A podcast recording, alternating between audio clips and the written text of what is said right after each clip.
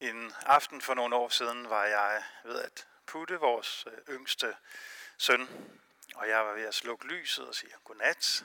Og så siger han, far, siger han så, elsker du mig? Og så siger jeg, ja, det gør jeg. Kan du sove godt? Og jeg er ved at slukke lyset, og så siger han, men far, siger han så, ja, er du sikker? Så kunne man godt have sagt, ah, det ved jeg ikke rigtigt. Det finder vi ud af i morgen. Men selvfølgelig siger man, hvis der er noget i den her forvirrende, kaotiske, smukke, rodede, skramlede verden, jeg er sikker på, så er det, at jeg elsker dig. En fransk tænker, han siger, at menneskets første og dybeste spørgsmål, det er, er der nogen, der elsker mig? Og han siger, at vi stiller det spørgsmål, før vi spørger om, hvad skal jeg vide, hvad skal jeg kunne, hvad skal jeg gøre, eller hvem er jeg? Han siger, at vi spørger altid først, er der nogen, som tager imod mig, før jeg kan bruges til noget, før jeg kan udrette noget, før jeg skal bidrage positivt til bruttonationalproduktet. Kirkens gamle far, Augustin, han sagde, et menneske er sin kærlighed. Et menneske er sin kærlighed. Jeg tror, det er rigtigt, at det er både barnets og vel også den voksnes dybeste spørgsmål. Er der nogen, der elsker mig? Og kære konfirmander, I sidder her i dag. Smukke og skarpe. Og I sidder her sammen med mennesker, der elsker jer. Mennesker, der har taget imod jer. Bud jer velkommen i livet. Bud jer velkommen i verden.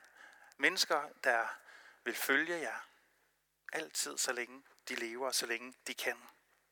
I sidder også her i kirken, fordi Gud har givet et svar på jeres og vores allesammens dybeste spørgsmål.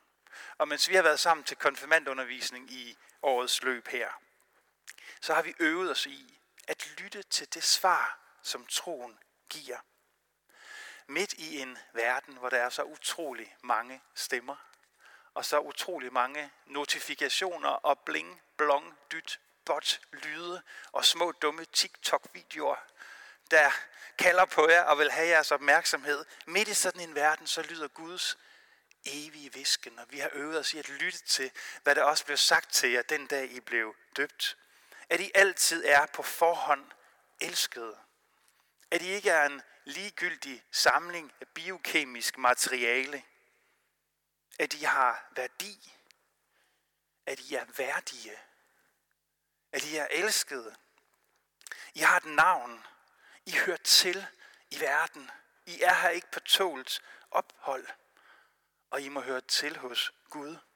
Og det kan vi, både børn og konfirmander og voksne, så utroligt let glemme, for der er så mange stemmer, som råber på os og vil have os til at høre på alle mulige ting om, hvad der er op og ned her i verden. Det er ikke så underligt, hvis vi bliver forvirret. Køb det der hudplejeprodukt, eller brug det her tøjmærke, eller få dig nogle sjovere venner, eller tab dig, eller tag på, eller træn dig bedre, eller få et nyt image, vær lidt sjovere, præster bedre i skolen, se den film, gå til den fest, sørg for alt i verden for, hvad du end gør, ikke at være akavet og pinlig. Der findes endda såkaldte influencers, der gør en hobby eller en indbringende levevej ud af at påvirke andre menneskers valg om, hvad de skal købe eller hvad de skal synes. Og man kan betale sig til deres øh, goodwill og til at få dem til at reklamere for synspunkter eller produkter. Der er ikke noget at sige til, hvis I kan blive helt forvirret. Vi kan næsten komme til at leve sådan, at vi hver eneste gang, vi har taget et halvt skridt, skal stoppe op og kigge os omkring og spørge, var der nogen, der så mig nu? Og hvad sagde de? Klappede de? Synes de, øh, jeg var god nok nu, eller smuk nok nu? Og vi kan komme til at leve sådan helt ved siden af os selv med vores dybeste livsspørgsmål ubesvaret. Der er en gammel jødisk fortælling om en gammel mand, en familiefar, som hed Susya. Han lå på sit dødsleje, og der kaldte han sin nærmeste, sin familie til sig for at sige farvel til dem og for at give dem sin velsignelse. Og så siger han til dem, når jeg nu går over grænsen og skal møde Herren, så vil han ikke spørge mig, hvorfor jeg ikke var Moses, eller Abraham, eller en af profeterne. Hans spørgsmål vil være, hvorfor var du ikke Susia? Det er en fortælling om en gammel mand, der var i gang med at sige farvel til det liv, han levede, til de mennesker, han elskede, og som fandt ud af, at han havde brugt sit liv forkert. Han havde brugt det på at forsøge at blive noget andet end det, han skulle blive, nemlig sig selv. Han havde lyttet til de forkerte stemmer, levet ved siden af sig selv. I dag, kære konfirmander, så står I ved sådan en af de store milepæle, de store, en af de store eksistensafgørelser i jeres liv. I står her frimodigt og modigt, synes jeg, i kirken og siger, ja, jeg vil gerne have hjemsted i den fortælling, hvor det bliver sagt til mig, at jeg er altid elsket. Jeg vil gerne høre hjemme i den tro. Jeg vil gerne lytte til den stemme. Jeg vil gerne lade den stemme fortælle mig, hvem jeg er. Der er noget, som er givet til jer. Noget, som I ikke selv skal opfinde. Guds kærlighed afhænger ikke af, om I er smukke nok, eller gode nok, eller hvordan I præsterer. I må høre til hos Gud, hvad der end sker i jeres liv og i jeres verden. Vi skal om et øjeblik lytte til en sang, som er skrevet og sunget af en sangerinde, der hedder Lauren Daigle. Måske, forhåbentlig kan I huske, at vi har hørt den til konfirmandundervisning. Det er en sang, som handler om at leve med kritiske, vurderende stemmer inden i sig. Og Lauren Daigle, hun synger sådan her i min øh, fordanskede oversættelse. Jeg bliver ved med at kæmpe mod stemmer, som siger til mig, at jeg ikke er god nok. En hver løgn, der fortæller mig, at jeg aldrig vil gøre det godt nok. Og så gør hun sangen her til en bøn, retter den mod Gud og siger, Mind mig igen om, hvem jeg er, Gud, for det har jeg brug for at høre. Du siger, at jeg er elsket, når jeg ikke kan føle noget som helst. Du siger, at jeg er svag. Du siger, at jeg er stærk, når, når jeg synes, jeg er svag. Og når jeg synes, at jeg ikke hører til nogen steder, så siger du, at jeg er din. Det eneste, der rigtig betyder noget for mig nu, Gud, det er, hvad du siger om mig. I dig finder jeg min værdi. I dig finder jeg min identitet. Det bliver sagt til jer, hver især, til os alle sammen, men i dag særligt til jer, konfirmander, at I må finde jeres dybeste, sandeste identitet hos Gud. Hos ham er du elsket, også når du ikke kan føle noget som helst, og den dag vil komme, hvor du ikke kan det. I ham får du lov at være stærk, også når du synes, du er svag, og den dag vil komme, hvor du synes, du er det.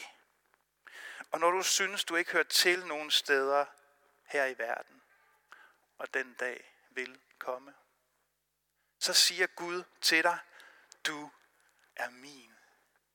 Du må høre til hos mig. Og der kan rokkes ved mangt og meget her i verden, for det er en skrøbelig verden, vi lever i. Men Guds trofasthed kan ingen pandemier, ingen katastrofer, ingen klimakriser, ingen personlige kriser rokke ved. Guds kærlighed tåler alt for jer. Den tror alt for jer. Den håber alt for jer. Den udholder alt for jer. Jesus udholdt lidelsen og døden på et kors, fordi han elsker os så højt, at han gav sit liv for os. Og kristendommens citrende centrum, det håber Adam og jeg, at I tager med sammen med det der med chokoladebollerne. Det er, at Jesus stod op af den grav, han blev lagt i. At døden er besejret. At død og mørke og undergang ikke har det sidste ord om os. at det ord tilhører Jesus. Og at Gud altid står på livets side, og at I må stå der sammen med ham.